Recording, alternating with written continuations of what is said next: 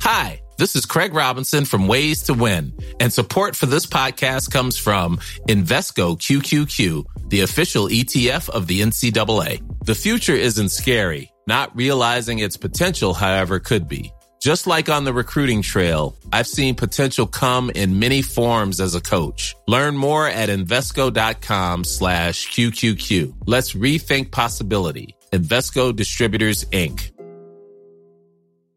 Mom deserves the best, and there's no better place to shop for Mother's Day than Whole Foods Market. They're your destination for unbeatable savings, from premium gifts to show-stopping flowers and irresistible desserts. Start by saving 33% with Prime on all body care and candles. Then get a 15-stem bunch of tulips for just $9.99 each with Prime. Round out Mom's menu with festive rosé, irresistible berry chantilly cake, and more special treats. Come celebrate Mother's Day at Whole Foods Market. There's never been a faster or easier way to start your weight loss journey than with PlushCare. PlushCare accepts most insurance plans and gives you online access to board-certified physicians who can prescribe FDA-approved weight loss medications like Wigovi and Zepbound for those who qualify. Take charge of your health and speak with a board-certified physician about a weight loss plan that's right for you. Get started today at plushcare.com slash weight loss. That's plushcare.com slash weight loss. plushcare.com slash weightloss. Ja, Øystein, er du klar for pod? Jeg er veldig klar for pod, for i dag så har vi jo en verdenspremiere i Scootspodden. Ja, nå øker vi teknikknivået enda et hakk. Gange ja, 150% altså øker vi på her nå. eh, Og eh, jeg er klar for en ny episode, for vi har jo gått til innkjøp av eh, mikrofon nummer tre, som vi har plassert hos første mottaker. Og Tanken er jo det at denne mikrofonen skal gå på en vandring rundt om i landet, sånn at vi kan ha masse gjester i Scootspoden uten å bryte noen koronaregler. Så det er bare å kjøre Ja. i gang. Det her blir spennende. Kjør pod.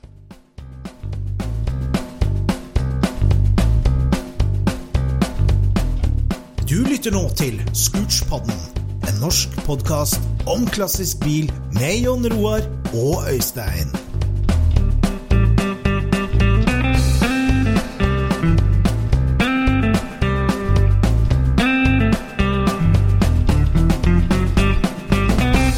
Yes, ladies and gentlemen, velkommen til en ny episode av Scootspodden. Og det er ingen hvilken som helst episode, det er episode 72. Yes. Vi nærmer oss det magiske tallet 73. Fødselsåret til noen av oss, nei. Det er, vi har jo hatt eh, koronatid også i Scootspodden, naturlig nok. Og det å ha gjester i studio har vist seg veldig vanskelig. Og derfor er det jo helt konge at vi har kunnet samle inn penger nok til mikrofon nummer tre, som vi nå har gått til innkjøp av. Ja, har stilt opp, de. Ja, det blir spennende. Og da var det jo naturlig for oss å sende den til en god venn av podden. Og um, da, Jon Roar, var vi ikke i tvil om hvor vi skulle sende den. Vi sendte den til vår venn Arild Dyrkorn. Arild Dyrkorn, som har vært uh, gjest i podden før. Velkommen om bord, Arild. Takk, takk. Jeg, jeg sto og fotograferte noen annonsebilder her om dagen og var veldig stressa. Så peip det i telefonen, og da sto det at det er, det er sending på vei til deg fra Komplett. Jeg tenkte fader, jeg har ikke bestilt noe fra Komplett, jeg. Så satt jeg hjemme og redigerte bilder dagen etter, og da peip det på døra. Og da var det postmannen som sto der med en sånn podkastmikrofon. Vær så god, sa han. Ja, herlig. Og Ja. nå har du dratt på raggsokken og er klar for boogie. Ja, vi må ha raggsokk rundt mikrofonen. Husker, du- husker du ikke det på Dagsrevyen på 70-tallet? At de hadde strikka sokk eh, utenfor mikrofonen. Og sånn er det her i Østfold. Her Ja, det kjører er vi gamle raggsokk-stuket. Jeg skjønner, det er bra. Reggen går. Vi, eh, vi har jo tenkt at vi skal kalle deg, siden du bor midt i Østfold, så skal vi kalle deg Midtøsten-korrespondenten vår. Og det setter jo det tenker, tenker vi. Så vi, vi, det er gledelig å kunne nå da introdusere, og så at vi setter over til Midtøsten-korrespondenten av og til. Ja, altså, sit, jeg kan jo melde at situasjonen i Midtøsten fortsatt er meget spent. Ja, Så mange år etter. Ja, det er det. Akkurat som i 1975. Ja. Nei, det er glimrende. Hvordan står det til med deg, Arild? Står til med meg? Ja, det humper og går sånn passe greit. Jeg har jo gått til innkjøp av ventepølse, da. Ja, det er ventepølse. Det prosjektene jo... tar så lang tid, så da ble det en ventepølse i form av en uh, fullstendig ødelagt boble. Akkurat sånn som jeg liker. meget, sjelden, uh, meget sjelden 59-modell uh, Switter. Har ja, nettopp. Skjønner. Men det, det, det er Switter på norsk, det er bastard, ikke sant? Ja, Er det det ordet Switter betyr? Bastard? Ja, det, ja, det tror jeg. Ja. Switter betyr Er det kule med kule med 59-modell-suiteren kontra 52-53-modell-suiteren, er at den har ekstra stor frontrute, sånn at du får veldig godt utsyn. da. Det er det som er det spesielle med den uh, meget sjeldne 59-suiteren som jeg har uh, fått tak i. Nei, ja, For det var sånn at de slapp opp for liten frontrute, det var ikke det? Så måtte de bare ta stor? jeg vet ikke, han sto på andre sida av verkstedet, og plutselig så, så dytta vi den over på min side, og da var det bare å sette i gang. Og det er altså en 59 bånd med 64 karosseri med splittrute og ja. Alt er gærent på den bilen. Det er, ikke et panel som er rett. Alt er uh, slitent og rart og skeivt. Og så det er eh, ventepølse til eh, de andre prosjektene som ja, Jeg orker ikke å gå inn på hvorfor de andre fortsatt tar tid, men eh, det er hyggelig å kjøre luftkjørt igjen, da. Ja, vi snakka litt om dem i, for, i flere tidligere pod òg, men, men den Bastarden, ja. har han vært på SSC før, eller? For, altså, har han vært fram i miljøet? Jeg kan ikke huske barsetten, jeg.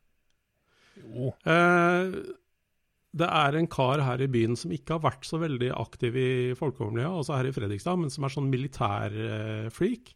Han har oh, ja. hatt den som en slags sånn eh, kommandørvagen-look. Ja, har gått med kamo ja. Gått med kamo her i byen i Jeg tror han har hatt den som helårsbil i fire år eller noe sånt nå. Ja, ja, det er det. Ja, og så var det fest hos Anders Torkelsen i, i, Rygge i fjor sommer, og da bytta han bort, seg, bort den på fest mot en Bay.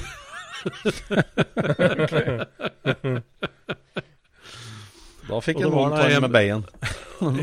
en på andre sida av verkstedet hos oss i hønseriet, da, verkstedet vårt, som uh, bytta til seg den. Og han dusja den med tynt, tynt lag med grå bengalakk. Og gjorde litt annen småfiks, og så skifta han mening, og så dytta vi den over på min side ja. i ja. romjula. Ja. Men det som er fint med en sånn bil, er jo at det er jo total frihet. Det er jo ingenting som er rett eller galt. Nei, du kan ikke fornærme noen, for er, alt er ferdig ødelagt. Så det er Alt er ferdig fornærma? Du kan ikke krenke noen i det hele tatt. Det er, det er og så er det ja. utrolig deilig å ha en bil hvor du bare, hvis du veiver borti med en forlenger eller snubler eller altså, det, det gjør ikke noe. Blir en bulk, ja. så er det bare en del av historien. Ja. Det er helt topp. Men sånn er det jo. Sånn, det er jo sånn det skal være, det. Men du har rykka på og gjort den uh, ordentlig kjørbar og teknisk grei, da, eller? Er det sånn? Ja, det het seg jo at den var teknisk grei. Han var jo selvfølgelig ikke det. så det ble to måneder med To måneder med fiks, men nå duger den til bra til hverdagsbruk. Bruker den til hverdags. Kjører den til jobben og på Kiwien og ja. koser meg. Så uh, I og med at den grå bengalakken ikke satt så veldig hardt fast, så var det veldig, veldig lett å, å patinere. Da. Vi har jo en uh, kretsmester i patinering her som heter Morten Marbel Lønning. Som ja. er helt vanvittig til å få ting til å se gammelt ut. Og han eh, feide over den på et kvarters tid, og da plutselig så han ut som han hadde vært i krigen. Ja. Vært eh, en tur ned hos eh, Rommel nede i Nord-Afrika der. Ja. Ja, ja. Passe for en Midtøsten-korrespondent, den da. Ja, så kjøpte vi på litt ekte fake løse hvite dekksider og ja. ja. Kos. Så nå tester så, vi og håper vi skal få kjørt den på Super Scenic i juni, da. Det er målet. Her Herlig. Mm. Som Midtøsten-korrespondent så burde du hatt den som sånn militær, antagelig. Jeg skulle egentlig vært en Desert Storm, skulle ikke det? Skulle vært en Hilux. Ja. ja, ja. Nei, men det er helt konge at vi eh, får en egen korrespondent midt i krigen. Si. For det, det, passer jo bra, tenker jeg, på det vi snakka om, at du står jo med et bein i mange leirer, Arild. Det har du alltid gjort. Hvordan, eh, hvordan ser kalenderen ut og sesongen framover for deg som skal innom mer enn vi andre smalspora? Nei, det er jo høyst uvisst, det. Det er jo liksom gatebil som er hovedfokuset for meg, da, som regel. Og der har de jo nå sagt at uh, Våler i mai er avlyst, altså Vålerbanen i mai. Avlyst. Mm. Rudskogen juli, som har vært den store, er også avlyst. Eh, Mantorp i juni, som har seila opp til å kanskje være den beste gatebilfestivalen, etter min mening, da, de siste åra. Yes. De skal kjøre det som lukka arrangement, uh, uten publikum. Litt sånn som vi gjorde på Rudskogen i juli i fjor. Eh, om vi nordmenn drar over dit, altså vi som jobber for gatebil, det vet vi ikke ennå. Det får vi se åssen det er med karanteneregler og sånn. Ja. Så er vi jo akkurat som SSC, da. Vi håper jo på å dundre til i august. Og alle vet jo det at de første frie arrangementene etter at det slipper opp, det kommer jo til å bli helt magisk. Det er jo ikke noe ja. tvil om. Så eh, det er vel egentlig status. Jeg, mm. For min egen del, jeg har vel regna med at alt før 1.7 i hvert fall, det, det, utgår mer eller mindre. Mm. Da er det jo genialt å kunne ha noe sånn der Superscenic, da. Ja. Mm. Det er jo masse sånne lokale drive-outs og sånn. Du, følger med på Facebook nå og andre steder. Det er jo masse folk som skal ut og kjøre og kose seg rundt forbi på sånne Mm. Det er det, det, som har vært på en måte positivt med koronaen. Da, altså, hobbyen tar nye veier. Det er jo ganske interessant. Mm. Ja, det er det. Det er absolutt interessant. Og det, det, at eh, det å kjøre, og det å kjøre sammen, har blitt eh, altså God gammeldags cruising, da, på en måte. Det har blitt mye mer populært igjen. Som en mm. måte å ja, det er jo en av de beste hobbyene man kan ha i en pandemi, dette bilgreiene, egentlig. Mm. Det er det. Ja, det er, er helt, eh, det er helt gull. Helga for Super Scenic, når var det igjen? 12. juni? 10. til 12., var ikke det? Ja, rundt der. 10. 12. Ja. Nei, det blir, det blir, helt konge.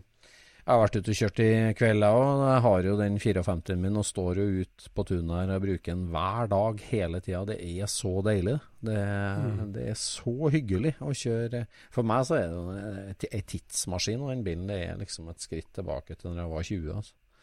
Og det, det, det, er veldig artig å kjøre hver dag med hobbybil. Altså. Så der har Bastarden absolutt sin rett. Sin rett Arild. Ja, jeg kjører jo med usynka førstegir. da. Altså, jeg må jo si at jeg jobber jo i Oslo sånn ca. én dag i uka. og det, Jeg er egentlig litt glad for at det ikke er vanlig morgenrush i disse koronatider. Ja. For det er litt uvant å kjøre med usynka førstegir i kø. Men, eh, ja. Men det er overraskende, overraskende, hvor greit det er å kjøre en sånn gammel driter i, i moderne trafikk. Altså, jeg syns det fungerer utrolig bra. Mm. Det er sant, ja. Hvordan er det i garasjene i gatebilmiljøet? da? Er det full trøkk og masse mekking, eller at det, det renner på med masse nybygg når det endelig åpner igjen, eller hvordan er det? Ja, nei, det er jo Folk får jo tid til å legge mer, mer tid på prosjektene sine. Og folk gjør mer grundig jobb enn det de kanskje ville ha gjort ellers. Og så er det jo eh, de som kjører på litt høyere nivå, kan du si, da, med drifting og, og baneracing, de kjører jo allikevel. Drifting, eh, NM går jo, og NM i baneracing går jo. Så, det, så dem eh, holder jo på uansett, holdt jeg på å si. Nei da, mm. det, det, skrus masse rundt forbi, og det er jo bare at man har litt mer tid og kanskje gjøre ting litt mer grundig enn det man hadde gjort ellers. Mm. Mm. Hvordan er bilmiljøet i Østfold om dagen, da? Det, er, det skjer altså så mye. Det å bare kjøre kjøre, Ta f.eks. en tur uh, her fra Fredrikstad opp til Mysen på en, uh, en, sånn vårdag. Det skjer altså så mye. Det er så vanvittig mye motorinteresse i det området her. Hvis du ser alt under ett, da, med mm. uh, veteranbiler alt fra T-Ford oppover, Amcar, motorsport, alle former for motorsport, motorsykler. Det er, det er noe på hvert eneste hjørne, altså. Det er en helt vanvittig stor motorinteresse i det området her, det må jeg bare si. Mm. Perfekt. Vi ser fram til flere rapporter fra Midtøsten. Korrespondenten Men det, det skal, det her skal ikke være noen sånn kommunekonkurranse, men jeg, jeg, var, jeg, har vært ute og kjørt en del av det i siste. Og, altså En søndag har jeg kjørt opp til Kongsvinger fra meg, det er 40 minutter kjøring. Jeg møtte flere veteranbiler og motorsykler enn jeg møtte personbiler. Så jeg kjørte en litt sånn utafor allfarvei.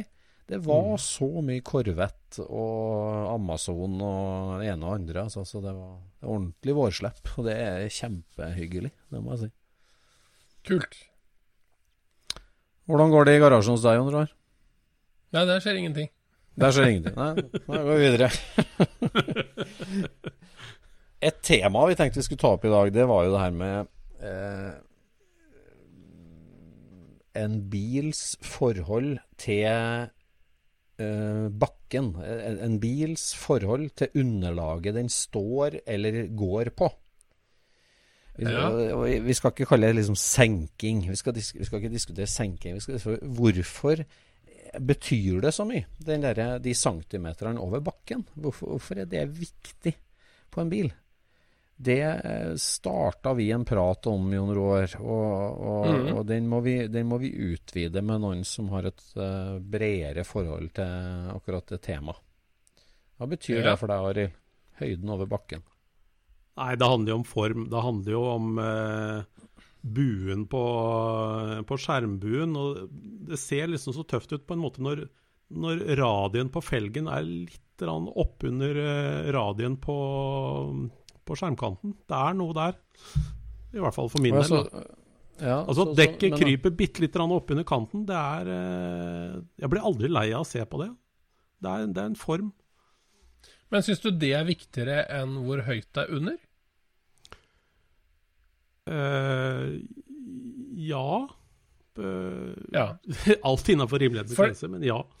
ja. ja for av og til ikke, dermed, ikke, ikke, dermed sagt at det er like donk, det er ikke det. men... Nei, nei.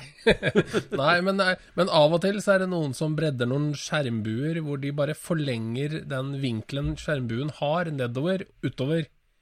Og da kommer på en måte hjulbuen nedover på bilen, og da får du den looken som du snakker om der, helt uten at bilen blir lavere. Ja, da fucker du opp proporsjonene da... på eh, det opprinnelige designet, da. Det, det er ikke mm. ofte det, det, er, ikke ja, det er så veldig så, Nei. Sånn hjulbuesenking, for det husker jeg det var noen som drev med på splittbusser før i tida. Hvor de flytta hjulbuen nedover. Mm. Sånn at den skulle se lavere ut. Ja, og på tyskstuk-tida på 90-tallet, eller 80- og 90-tallet, så var det noen av tyskerne som bare bretta ut falsen på skjermkanten, og bare bretta den ut sånn at den liksom bare Skjønner du hva jeg mener? At den kom litt lavere nedover hjulet. Og så bare bretta den ut i en sånn fin uh, ja, som en sånn uh, sterulenleppe eller noe sånt noe utover dekket der. Ja. ja. Nei. Nei, for jeg er jo helt enig i det at uh, når, når, vi som bilmennesker ser på en bil, så er det vi bedømmer, er jo hvordan dekket Hvilke forhold dekk og felg har imot uh, skjermbuen, som avgjør om bilen er ja, senka eller ikke. Vi kikker ikke så nøye under hvor mye Nei. klaring det faktisk er. Men det er jo alltid deilig å slippe å se luft mellom gulv og asfalt òg, da. At det bare er skygge, liksom. At ikke du ser sola gjennom på andre sida. Ja, jeg syns det. Ja. Ja, jeg òg syns at det er utrolig eh, viktig. Det er, ikke så mye hjulplasseringer, men f.eks. Altså, jeg har jo senkeforstilling, jeg må innrømme det, på, veldig, på mange av bilene mine, egentlig. Og det er jo bare for å kunne korrigere vaterproblematikken. At uh, man skal ha uh, mulighet til å justere noen centimeter både foran og bak for å få den helt i vater, og for å få Altså, det, ja, Der er det jo hjulas plassering i skjermen er, er, viktig. Men ikke at den skal forsvinne oppe i skjermkanten, men at den skal ligge rett i, i design, design, designpunktet i skjermhølet, i skjermbuen. Designpunktet, ja. sånn som tegninga var, sånn skal den ligge. Og så skal den være ja. i vater med bakken, stort sett. I hvert fall ikke for høy foran. For det er vel egentlig det som er eh, det som er vanskeligheten der, i dette spillet her, altså denne her uh, høyde over bakke-spillet, det er jo å diale det inn. Det er jo det som er førsteplass. Det er jo ikke hvor lavt du fikk det. Det er at det ser riktig Nei. ut som er førsteplass. Ja, det er jo det.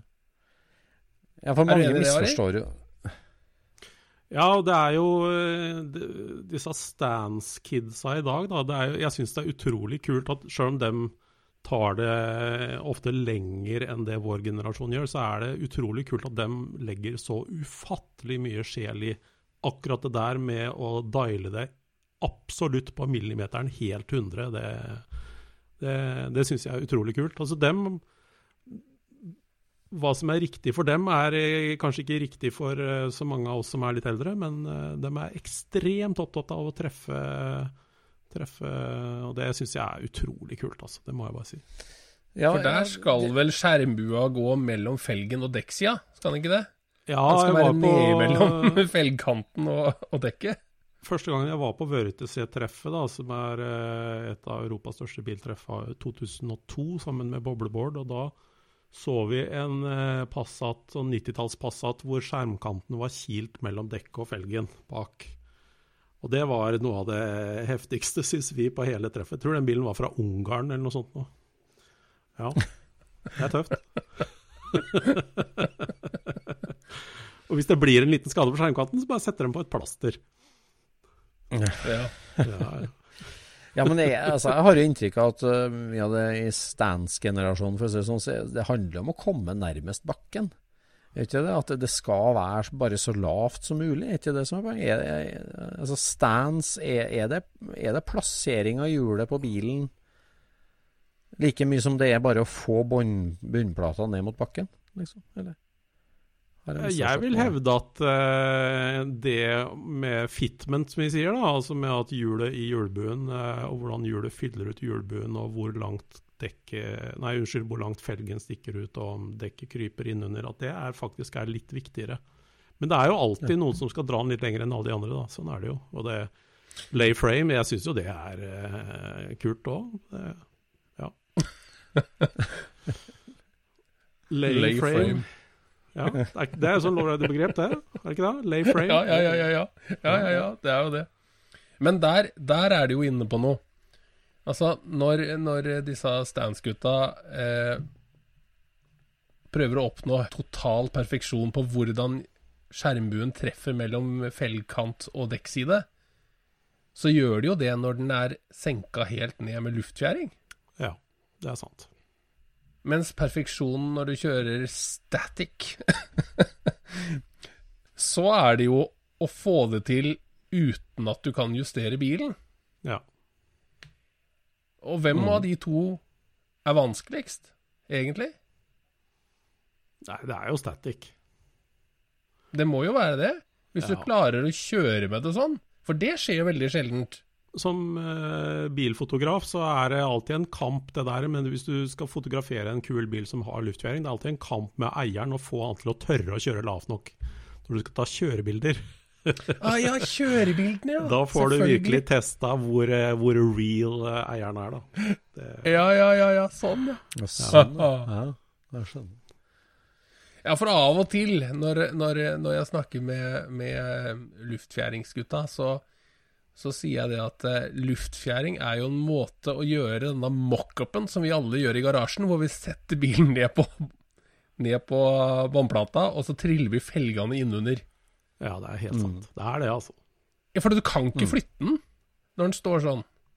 I de aller fleste tilfeller. Nei, nei det er sant. Men det, det det er jo ikke det at ikke det er gøy. Det er jo veldig gøy å gjøre det der. Mm. Men det er jo enda litt gøyere at det går an å flytte den. Ja. Ja, det mest ekstreme der med luft og sånt, det blir jo litt sånn som de betongfylte hifi-bilene på 80-90-tallet, kan du si, som du som ikke gikk an å kjøre i hele tatt. Bare du taua dem og sleppa dem rundt som en sånn rullende boks, bare med stereoanlegg i. Og det, det blir jo noe av de der verste senkegreiene òg, at du liksom ja, du må kjøre den opp på lufta for å kunne bruke den, og så blir det en slags skulptur som du slipper ned og går fra og dumper. Ja. Som det, ja, og det Jeg endte jo opp med dette her sånn på, på splittbussen min. Så første gang jeg var på treff med, med Fuchsfelga i 98, da hadde jeg Monroe Ride Leveler foran.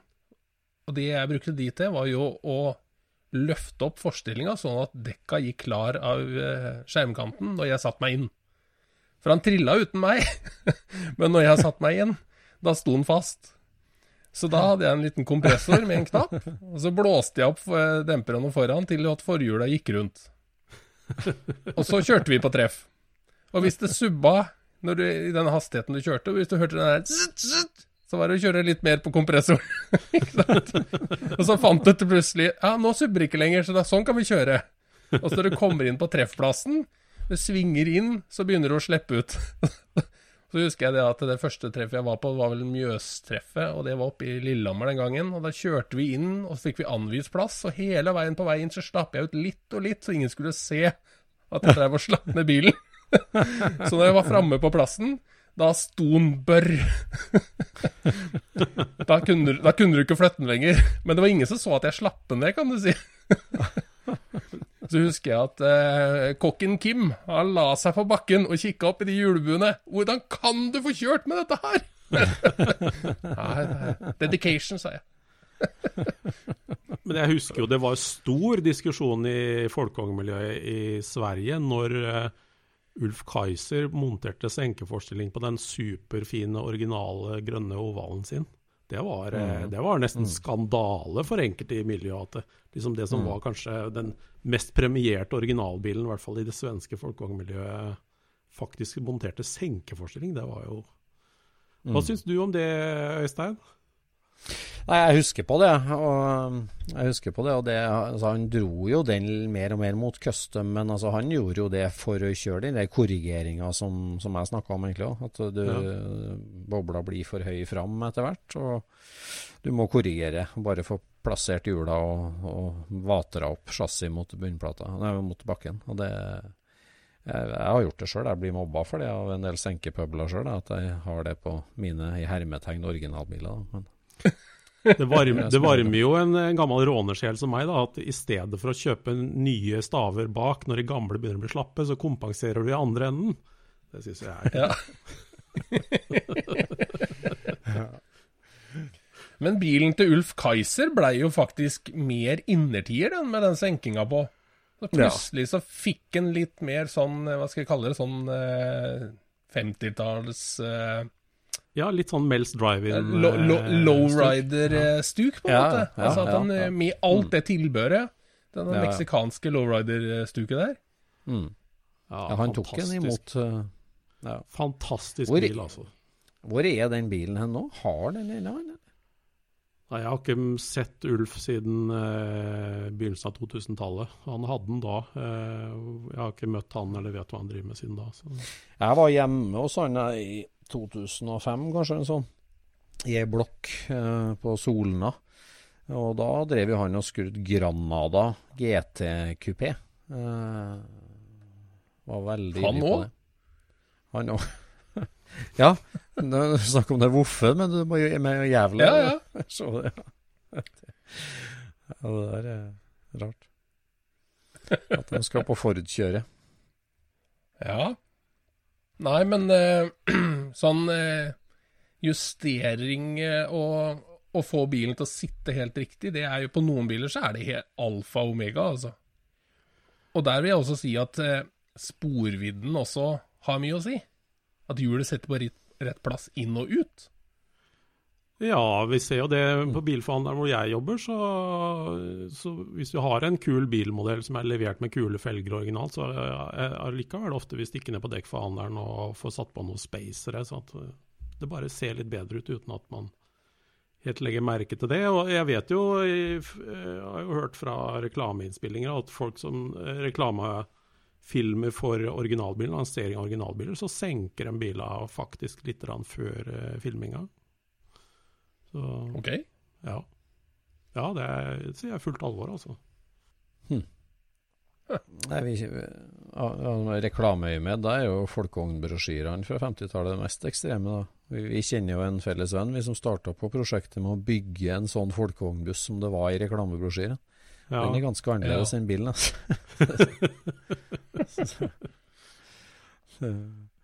ja, det var litt fri fantasi der.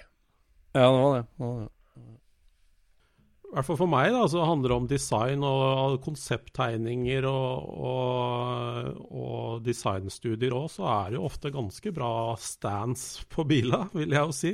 Så er jo hjulet limt oppunder under skjermkanten. Og det er jo en av de mange skuffelsene når det går over fra å se en konseptbil til en ferdigutvikla produksjonsbil. Det er jo gjerne at, at stands og fitment, som uh, man sier nå til dags, den er litt kjipere enn uh, litt kjipere enn uh, enn konseptbilen. da. Ureksempelet på det nå er den der nye elektriske Hondaen, den Honda E. Vanvittig kul uh, designstudie som så ut som uh, de første 70-talls Civicene. Og så Ja. var det bare Skulle de ha på noen sånne ekohjul med lav rullemotstand eller et eller annet. Ja, det er, er, Jeg syns det var helt krise, altså. For den eh, konsept designstudien Honda er, det, da tenkte jeg at Honda endelig funnet tilbake til mojoen sin etter å ha rota seg fullstendig bort i design de siste 20 åra. Honda hadde jo veldig fint design på bilene sine på slutten av 80- og første halvdelen av 90-tallet. Og endelig skulle hun finne litt tilbake der, men nei.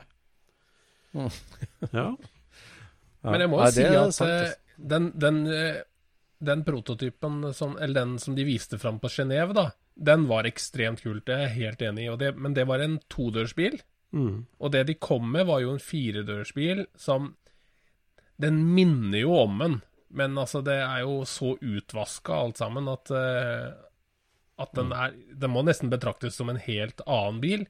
Og som en helt annen bil, så syns jeg faktisk den er ganske kul. Men den er jo ikke tilnærma så kul som den første. ja, det er mange kule detaljer på Honda 1 eh, designmessig.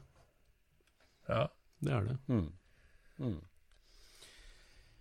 Fitment, ja, det har jeg lært meg nytt ord. For fitment betyr altså hjulets plassering i hjulbuen. Ja. Det er ungdommens språk på det. Det er vel både inn og ut og opp og ned, er det ikke det? ja. Det er jo hvordan hjulet sitter i forhold til skjermen. Ja, fitment. Mm. Er det noe triks altså fram og tilbake der? Driver man og liksom dytter hjulbuen fram og hjulet tilbake? Er det noe der, eller skal det liksom være midt i, eller hva? Ja, mener i forhold til radien Altså i Ja. lengderetningen skal det jo være midt i eh, Da er de eh, Golf 3 og Golf 4 og sånn, så er det jo sånn når du senker ekstremt mye, så kryper jo hjulet forover i hjulbuen, og det ser jo ikke bra ut. Så det er jo egentlig litt sånn forlenger bakstillinga for å få hjulet midt i hjulbuen. eh. Ja, det er det. Ja, der er jeg jo helt uenig, selvfølgelig. For en, eh, ei folkevogn, eh, en senka folkevogn, den har forhjulet sitt litt foran senter på hjulbuen foran. Mm. Når armene begynner å skråne oppover, så kryper forhjulet litt framover i hjulbuen. Og jeg mener at det ser helt riktig ut. Så jeg liker dem ikke når de har hjulet midt i. Da syns jeg det ser unaturlig ut. Når de er lave og hjulet midt i, da syns jeg det ser ut som de har kjørt i noe. At den er stuka. Men har det noe med, har det noe med liksom Calluck-stilen å gjøre, når det skal være kjempedekk bak og høy bak, at du virkelig har rake, liksom, at det da er bedre med hjulet lenger fram? Jeg vet Eller- ikke, men jeg tror det her er arv og miljø. Altså, at, jeg, at jeg rett og slett har sett så mange biler som har hjula foran, Ja. at jeg bare har vent meg til at det er sånn det skal se ut. Når det er blodsenka? Ja. Mm.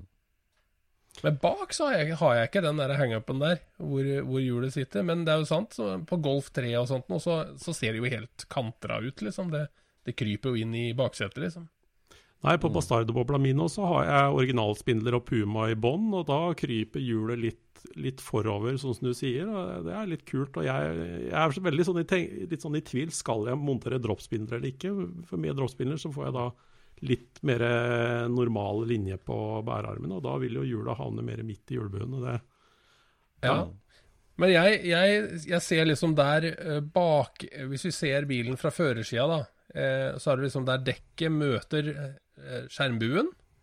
Det der se, Akkurat de to linjene der beskriver det samme som på en 32 hotrod med skjermer. Den linja der sånn, den er ganske lik på bobla som den er på 32-en. Ja. Og 32 har også en sånn greie med at den har forhjulet forholdsvis langt fram i en stor hjulbue. Så jeg syns det er litt aggressivt og kult. Mm. når han sitter der. For hvis forhjula sitter for langt baki på en, på en 32, det ser mektig rart ut, altså. Mhm. Ja, Det er vel ikke så mye hjulplasseringa, det er mer grill. Det har vi snakka mye om, i noen år, men altså grillplasseringa i forhold til eh, framhjulet. Det, Ja, dess det lengre ja, det, er jo, det er jo dødssynden i, i hotrod-verdenen, det å legge grillkappa for langt foran hjulsenteret foran. Det har alt å si på en hotrod. Du får den der 50-talls Mercedes lastebil-looken. Ja. Eller eh, duett-chassis-looken. Ja. Ja, ja. Men en sånn ordentlig maursluker med den fælt. Med rekkeåtteren hengende ut over fangeren foran. Å, herregud, fælt. Men hva er viktigst, da? Med, er- altså, er dekk og felg eller fitment viktigst? Altså, ja, begge deler, men eh, Det er ikke noe som ser så dumt ut som en som har kjøpt verdens mest fantastiske felger og glemt å senke bilen. Det ser, det Ja, ser virkelig ikke bra ut, altså. Nei. Golf Country Ja. i, jeg, ja, i supermotard-utgave. ja, så jeg vil faktisk si at uh, at Mm. uh, Ja, det første du sa, faktisk er viktigere. Ja, fitment, ja. Det er jeg enig med. Altså, at en, en, en originalbil som er helt smakfullt gjort på, den er jo Den har jo X-faktor med en gang. Men som du sier, en eh, knallhjul med en dustebil dustehøyde er jo bare dust. Mm. Jeg er også opptatt av hvordan det ser ut bakfra, jeg, da. Altså at du ikke har tatt noen smale felger og skyvet i 15 cm ut. Det syns jeg ser rart ut bakfra. Mm. Og der husker jeg at du bredda bakfelgene på Cherokcoen din, eh, Arild, for å fylle mer. Ja, bredda rund. Husker jeg feil? Bredda rund Ja, det var rundt der, kanskje. ja. Men hvis dere skal se en bil med bra fitment nå, så er det uh, Phil Morrison på Driftworks i England sin uh, Lamborghini Murcielago. Gå inn på Driftworks sin YouTube-kanal, kjære lyttere, og se på den. Der eh, snakker vi fitment uh, av Guds nåde, altså. Og da, da, da Jeg bryr meg ikke om at det er en dyr, eksklusiv italiensk sportsbil. Det er den jobben som er lagt ned i den bilen for å få de hjula til å sitte sånn som de gjør. Det er helt, helt, helt vanvittig. Gå inn og sjekk eh, YouTube-kanalen til Driftworks og Lambo Murcielagoen til eh, Phil der sånn. Han har, han har lagd eh, lagd bærearmer og spindler fra scratch. For å, han har altså lagd droppspindler, da. Jeg vet ikke hvor mange centimeter det er. Ja. Droppspindler til en eh, Lambo Murcielago. Fjerna drivaksjene foran, kjører bare bakhjulstrekk, da. Og du vet jo, det er jo de der Lambo-dørene, ikke sant. Og han har, da var det jo ikke plass til de der originale dørhengslene lenger, så han måtte lage hele dørhengselkonstruksjonen på nytt. Men den bilen skulle sitte Nei. Ja, nei, eh, kjære lyttere, gå inn og sjekk det. Ja, har, han, gjort om på skjermbuedesign òg, eller flytta dem? Gjort dem om, eller?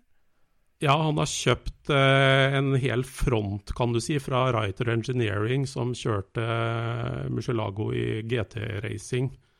Og det er jo deler som da egentlig ikke var til salg, selvfølgelig, men han gnagde hardt på Writer Engineering om å få kjøpe noen slitne gamle karbon racedeler med dårlig racepassform, og puste dem opp og bygge dem om og ja. Mm. Det er det tøffeste bygget jeg har sett på noen år. Og som sagt, det er helt uinteressant at det, i den sammenhengen her at det er en dyr italiensk superbil. Det er bare tanken bak og måten det er gjort på som er uh, Og han går, snakker lenge også om hvordan han har uh, samarbeida med felgprodusenten da, om å ta fram et design, og hvor mye han har jobba med, fikk dem til å spesialstøpe Eh, eller fikk dem til å lage støpen med litt ekstra tjukt senter, sånn at han kunne dreie ned tjukkelsen på senteret på millimeteren akkurat der han ville ha det etter at felgen var lagd. Og, og sånne ting. Ja. Da. Og, ja. Der sier du. ja. Kult. Er det Ja, er det en, er det en racebil, eller er det en custom-bil, liksom? Eller Nei, gatebil. gatebil? Det er røft. Ta seg ut. Men hva, Ja. men hva er greia med det derre Camber-prosjektet? altså For oss boblefolk så er jo det liksom helt vanlig, og vi veit hvorfor det blir sånn bak. Hvorfor, hvorfor driver folk å gjøre om på det? For, hvorfor skal hjula ligge sånn? På andre biler som ikke har svingaksel? Hva er greia med det? Nei, det begynte vel med at eh, se, jeg klarer å få inn større hjul enn deg. Og da, hvis jeg skulle klare å få inn enda større hjul enn deg igjen, så ble jeg nødt til å legge på litt camber for at det i det hele tatt skulle gå. Og så er det alltid noen som skal ta det lengre, da. Tror jeg. Og så ja. går det jo selvfølgelig helt ut av det absurde, da, som mange trender gjør etter hvert, da. Men når du kjører baneracing, så er jo ikke tre grader camber helt ukjent. Og det er ganske mye, altså. Jeg vet ikke hva de kjørte med, med jeg vet ikke hva de kjørte med i BTCC på 90-tallet, ja, de tøffeste bilene da. Hvor mye camber de hadde da. Nei, det ser noe olla der. Det kan hende det er enda litt mer òg, faktisk. For da kan du snakke stance og fitment. Uh, super touringbiler på 90-tallet. Ja, det kan du. Men der flytta de vel ikke hjulbuene? Uh, de strakk dem, de de, valsa og banka dem veldig mye. Det gjorde de. Men nå, sånn som DTM i dag, da, hvor at hjulbuen går liksom nesten over panseret, der mister du meg. Ja, det er en helt annen greie. Det er en helt annen greie. det det er har det. ikke noe med originalbil å gjøre lenger. Det er liksom ikke Eh, fitment da, når at du har hjulbuene over panseret? Ja, på Super Touring på 90-tallet så var det i hvert fall originalskjermer da, som de hadde banka i filler, istedenfor å lage noe, lage noe Jeg, ja, jeg husker jo det at eh, Renault Laguna, der var det banka friskt bak. ja. For det var jo en sånn som gikk godt nedover hjulet originalt, sånn som jeg husker det. Og der har de banka mye for å få opp de hjula, altså. ja, jeg husker når jeg hang nede på Norwegian Hammerworks på eh, begynnelsen av Eller når var det? ja? Sånn 2007-2008. Da kom det inn en kar, eh, en eh, nordmann, som hadde en gammel sånn BMW Super Touring-bil. Skjermer innenfor retting. Sånne originale Super Touring-skjermer fra 90-tallet. Og det, det var ikke mye fals der, altså. Det kan jeg si. Nei. Ja, så er- kom både fra racing og fra lysta etter brederdekk, rett og slett. Det er ikke at boblesenkinga har smitta over på resten av senkeverden. Nei, og så tror jeg det, det dekkstrekk-greia òg, det tror jeg også bare begynte med at se, jeg kan ha breiere felg enn deg. Tror jeg. Ja. Jeg, jeg er det sånn, liksom, altså, det, det, når du nærmer deg null i millimeter i høyde, og du nærmer deg større større felgbredde, det er kred. Men altså, felgbredde har jo ikke noe med Har ikke så mye med fitment å gjøre, egentlig, har det det? Eller? Det, det hører med, det òg. Det det er jo samspillet mellom dekk og felg og strekk, da. mm. Mm. Ja, for det er jo det som gjør at, eh, at felgbredden går opp, at du ikke får nok strekk. For strekken gjør at du får mer klaring til skjermen, ikke sant? Mm. Som gjør at du kan ha enda lavere. Mm. Så Du når kan, felgen eh, går for ut, så går jo sidene, følger sidene delvis med. Mm. Men altså sånn klassisk altså tøbbing fra, fra Amcar-verden, det gjør man ikke på gatebil sånn. Altså at, at du liksom bygger noe ordentlig oljefatkassa bak der og trø, langt oppi bakruta og for, å, for å senke på den måten, det, det, det gjør man ikke. Eller? Ikke som en standsbil, nei. Det gjør man ikke. Nei. Nei. Da er det heller mange av dem som heller går ned på felgdiameter, faktisk. Ja. For, for å få bilen lavere. Mm. Mm. Mm.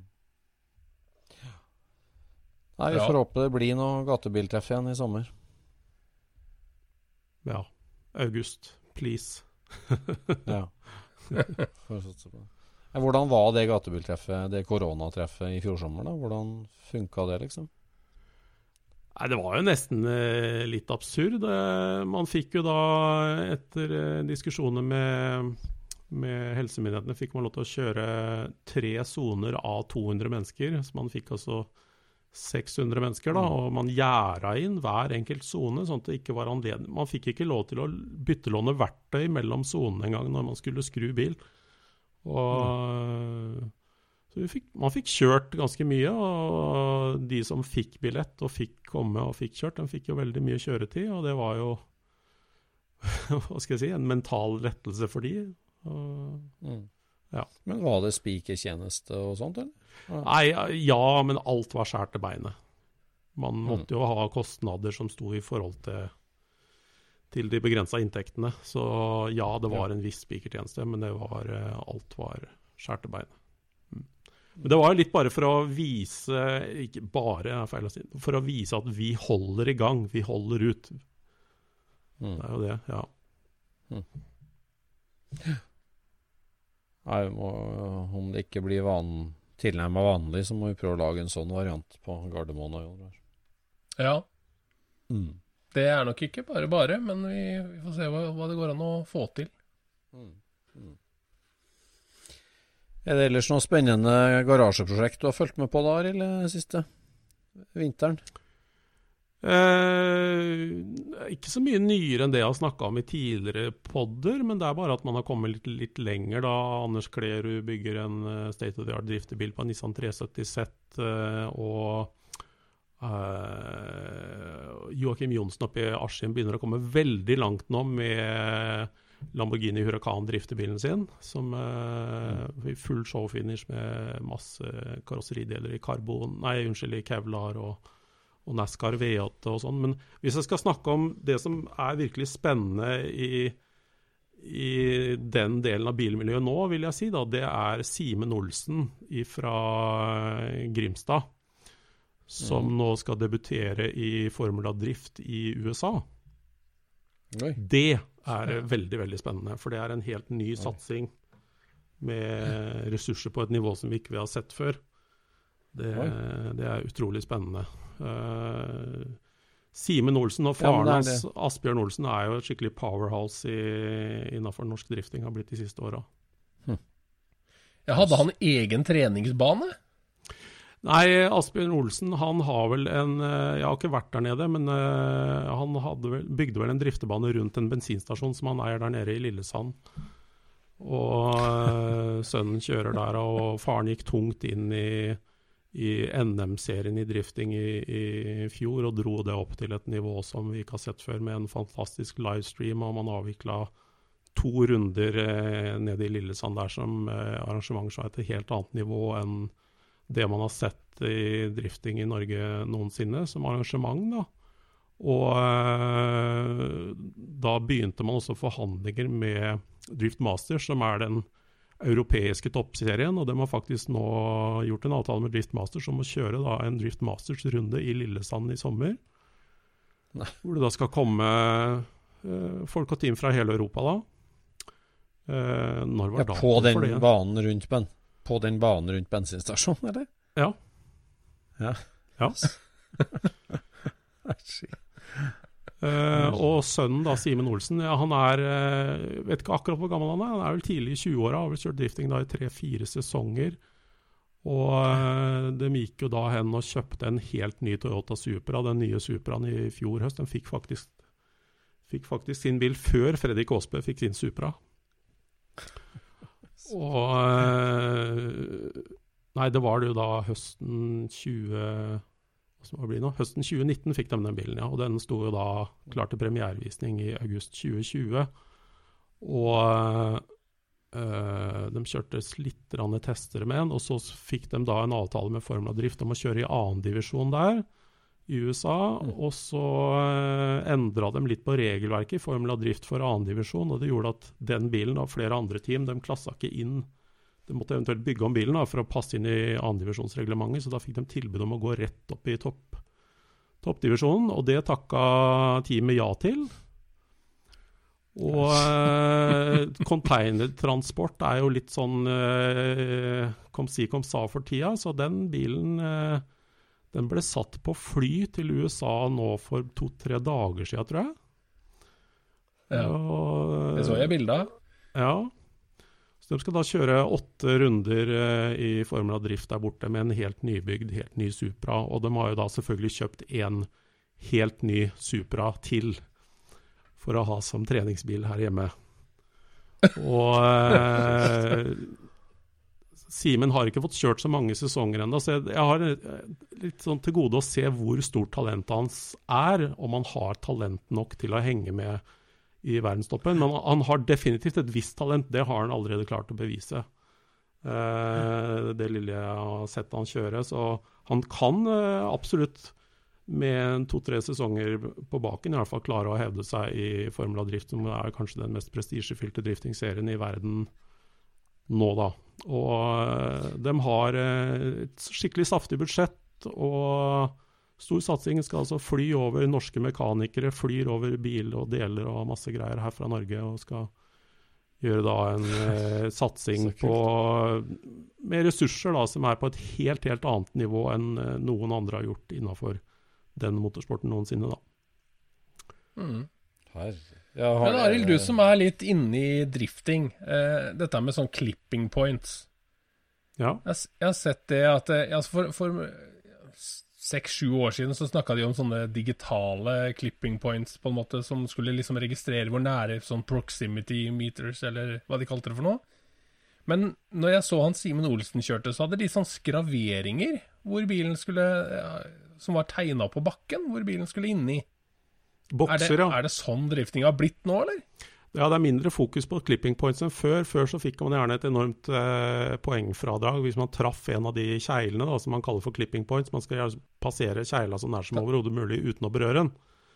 Men etter hvert så ble man mer opptatt av stil enn eh, akkurat den millimeterpresisjonen, så da gikk man litt mer bort fra det. og Da ble det kanskje lov til å kysse clipping pointsa, men nå er det mer fokus på bokser. at man ikke skal tangere en kjegle, men at, bilen skal innafor Du kan kalle det en slags parkeringslomme, da. Hvor bilen må innom i løpet av traseen, da. Ja. Mm. Det er jo litt lettere å følge for publikum på avstand, vil jeg tro, da. Ja, det er jo, handler mye om publikumsvennlighet å lage et eh, poengsystem som er lettere for publikum å forstå, som har gjort at man har mindre fokus på millimeterpresisjon og du skal ta et halvt poeng der og ett poeng der. Det er, det er mye mer mye mer eh, skjønn og handler mye mer om stil nå, vil jeg si, da. Og ja. Mm. Ja. Men i Japan selvfølgelig så kjører man digital bedøm bedømming. Prøver å Ja, det kutte ut dommerne helt. Ja. Gjør det? De gjør det. Måle med en tracking device, liksom, hvordan ja, de kjører. Det er vel noe GPS-greier, tror jeg. Mm. Ja.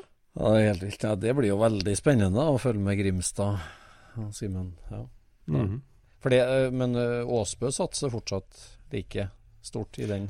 Ja, Åsbø fortsetter som før. Det blir jo da den andre sesongen med den uh, nye Superaen. Det var jo litt sånn testsesong Mm. i fjor, og i år så må du bare si at i år så er det bare seier som gjelder i, i serien. Kan ikke være noe tvil Mm. om det. Han vant jo serien i 2015, kom på andreplass i 2016, 17, 18 og 19. og så var det fjerde, fjerdeplass i serien i 2020, da, som var en litt sånn testsesong med den nye, nye bilen. Og nå har de gjort masse oppgraderinger på bilen til 2021-sesongen, og det kan ikke være noe tvil om at det er seier som, eh, som Hvem er det som har drevet og vunnet, da? Nei, det var jo James Dean, da, irlenderen. Han heter faktisk James Dean. Som vant da Ja. i eh, 17, 18 og 19. Og Oi, eh, han var ikke med da i 2020. Teamet, som var et rent europeisk team, han drev sammen med Pjotr Wajcek fra Polen. Eh, de la ned teamet, rett og slett. Eh, etter å ha gjort rent bord i USA tre sesonger. Så de møtte ikke til start. Og hadde kanskje litt med koronaen å gjøre, jeg vet ikke. Så da var det jo faktisk eh, to Mustanger som dominerte i fjor, da. Von Gitten jr. og Chelsea Denofa, fabrikks-Ford-teamet som kjører Mustang med 1200 hesters sugemotor-Mustanger. Uh, ja, det, det vel, av de 1200 så er det vel 300 er vel lystkastere eller noe sånt noe. Ja. Mm. Ja. Ja. Så nå er vel også teamet til Fredrik oppe på 1200 hester da, i den uh, nye Supraen. Nå skal de klare å matche de Mustangene, da. Men den, den bilen er ikke i Norge, den er bare i USA, den. Ja, det er en eh, ren, eh, ren eh, Toyota fabrikksbil som kun brukes i USA. Mm.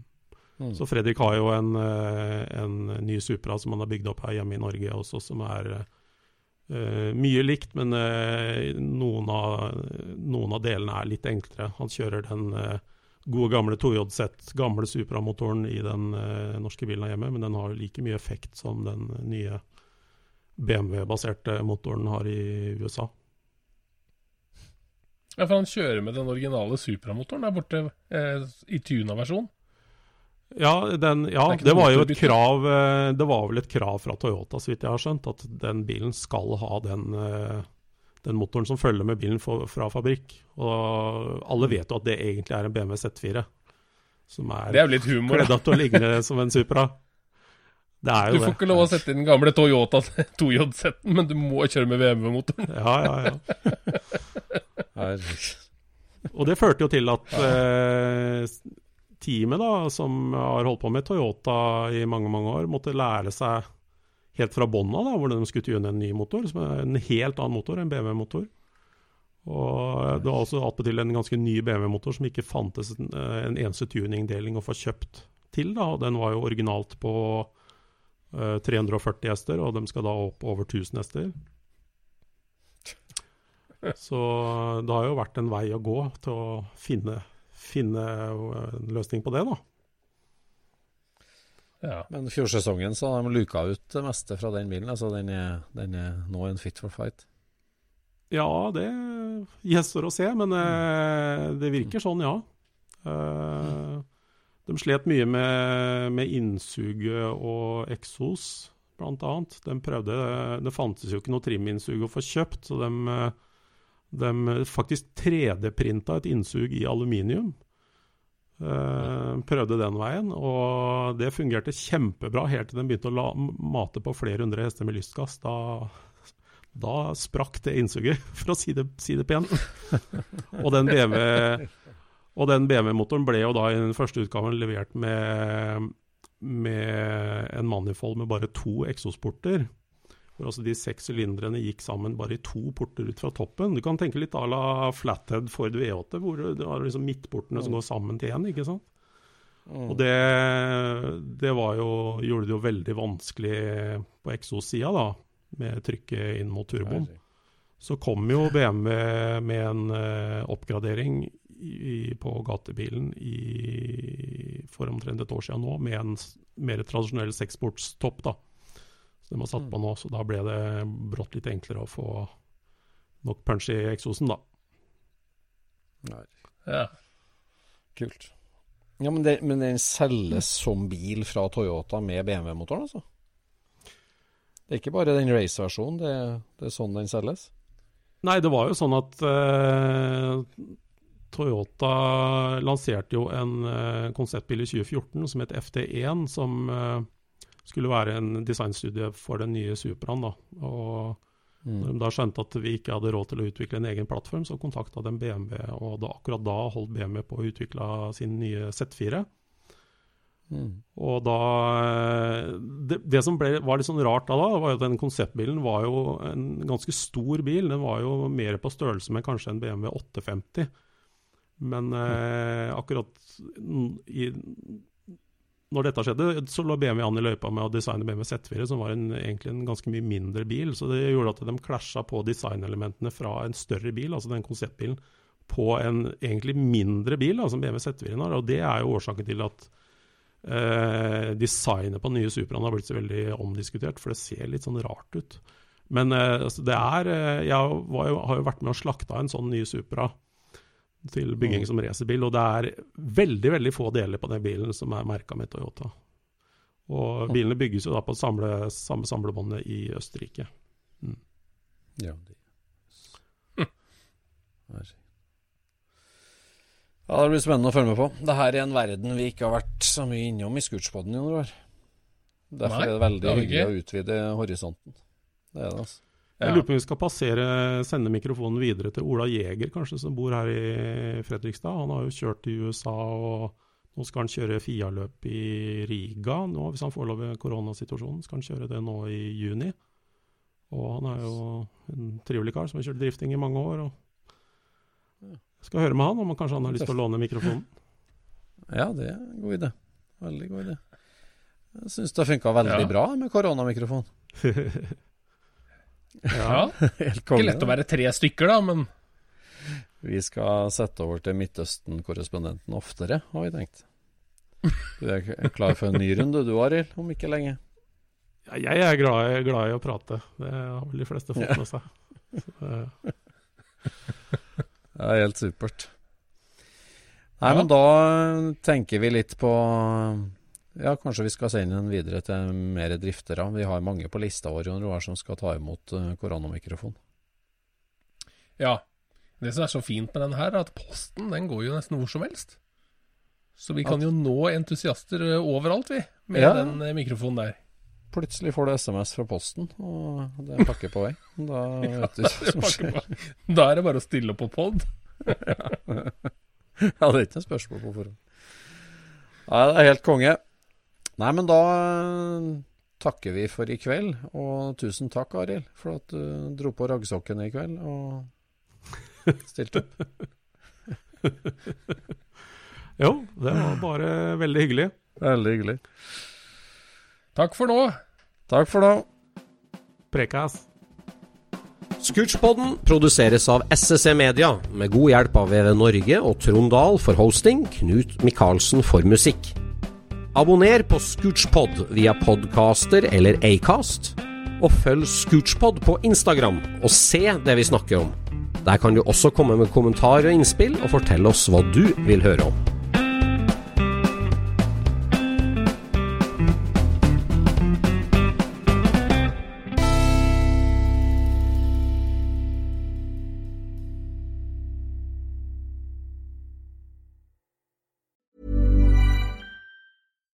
Deserves the best, and there's no better place to shop for Mother's Day than Whole Foods Market. They're your destination for unbeatable savings, from premium gifts to show-stopping flowers and irresistible desserts. Start by saving 33% with Prime on all body care and candles. Then get a 15-stem bunch of tulips for just $9.99 each with Prime. Round out Mom's menu with festive rosé, irresistible berry chantilly cake, and more special treats. Come celebrate Mother's Day at Whole Foods Market.